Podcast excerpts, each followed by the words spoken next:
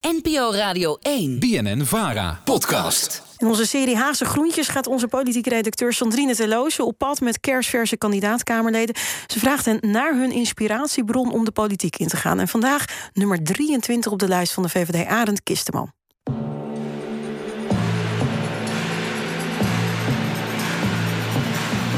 Haagse Groentjes. Goedemorgen. Goedemorgen. Uh, ik wilde graag een uh, krentenbroodje gesneden en een donker volkoren.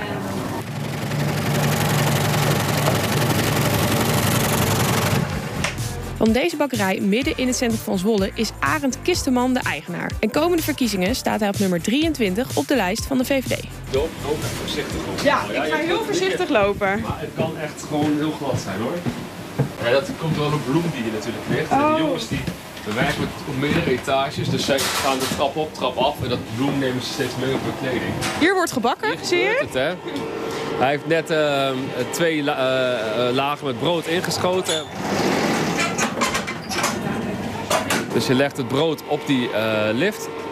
Dan schiet je het in de oven. Eh, en wordt het echt op de vloer van de oven gebakken. En het mooiste van die lift is dat het, ehm, je hoeft het niet te tillen. Dus voor hun fysieke is dat ook gewoon veel fijner.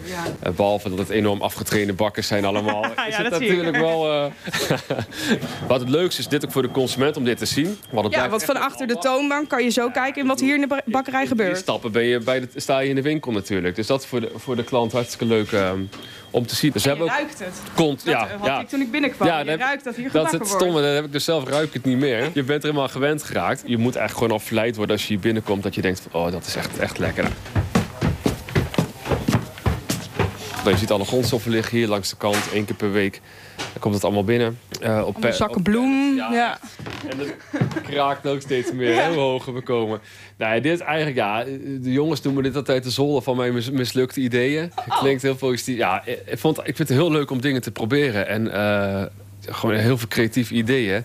Maar niet alles lukt natuurlijk, zeg maar. Dus dat alles wat mislukte ging hier altijd naartoe. Ja. En, en hoe ziet jouw werkdag eruit? Ja, ik heb nu gewoon veel gesprekken met ehm, mensen vanuit de VVD, kennismaker, regio, ehm, de lokale mensen. Daar ben ik veel mee bezig. Ik ben natuurlijk nog gewoon voorzitter van de, de branchevereniging, waar ik nog veel voor doe. MKB Nederland, waar ik nog actief was. En dat wordt alleen maar nog heel anders als je daadwerkelijk de kamer ingaat.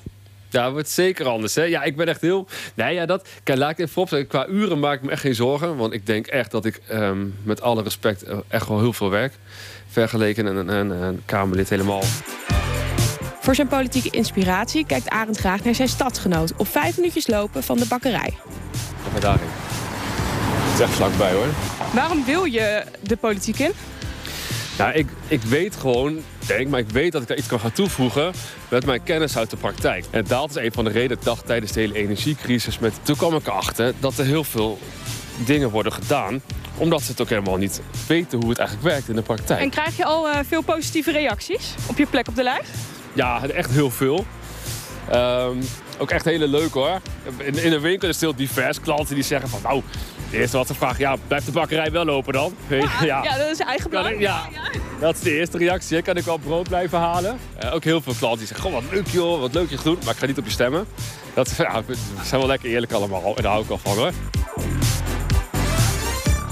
Oh, hij staat. Zie je dat? Hij staat. Oh ja, Ja, Sta- hij staat met zijn armen over elkaar. ja, een beetje gesloten houding. Ja, of een beetje trots. Ja. Johan Rudolf Thorbecke, de liberale politicus uit de 19e eeuw, kwam uit Zwolle.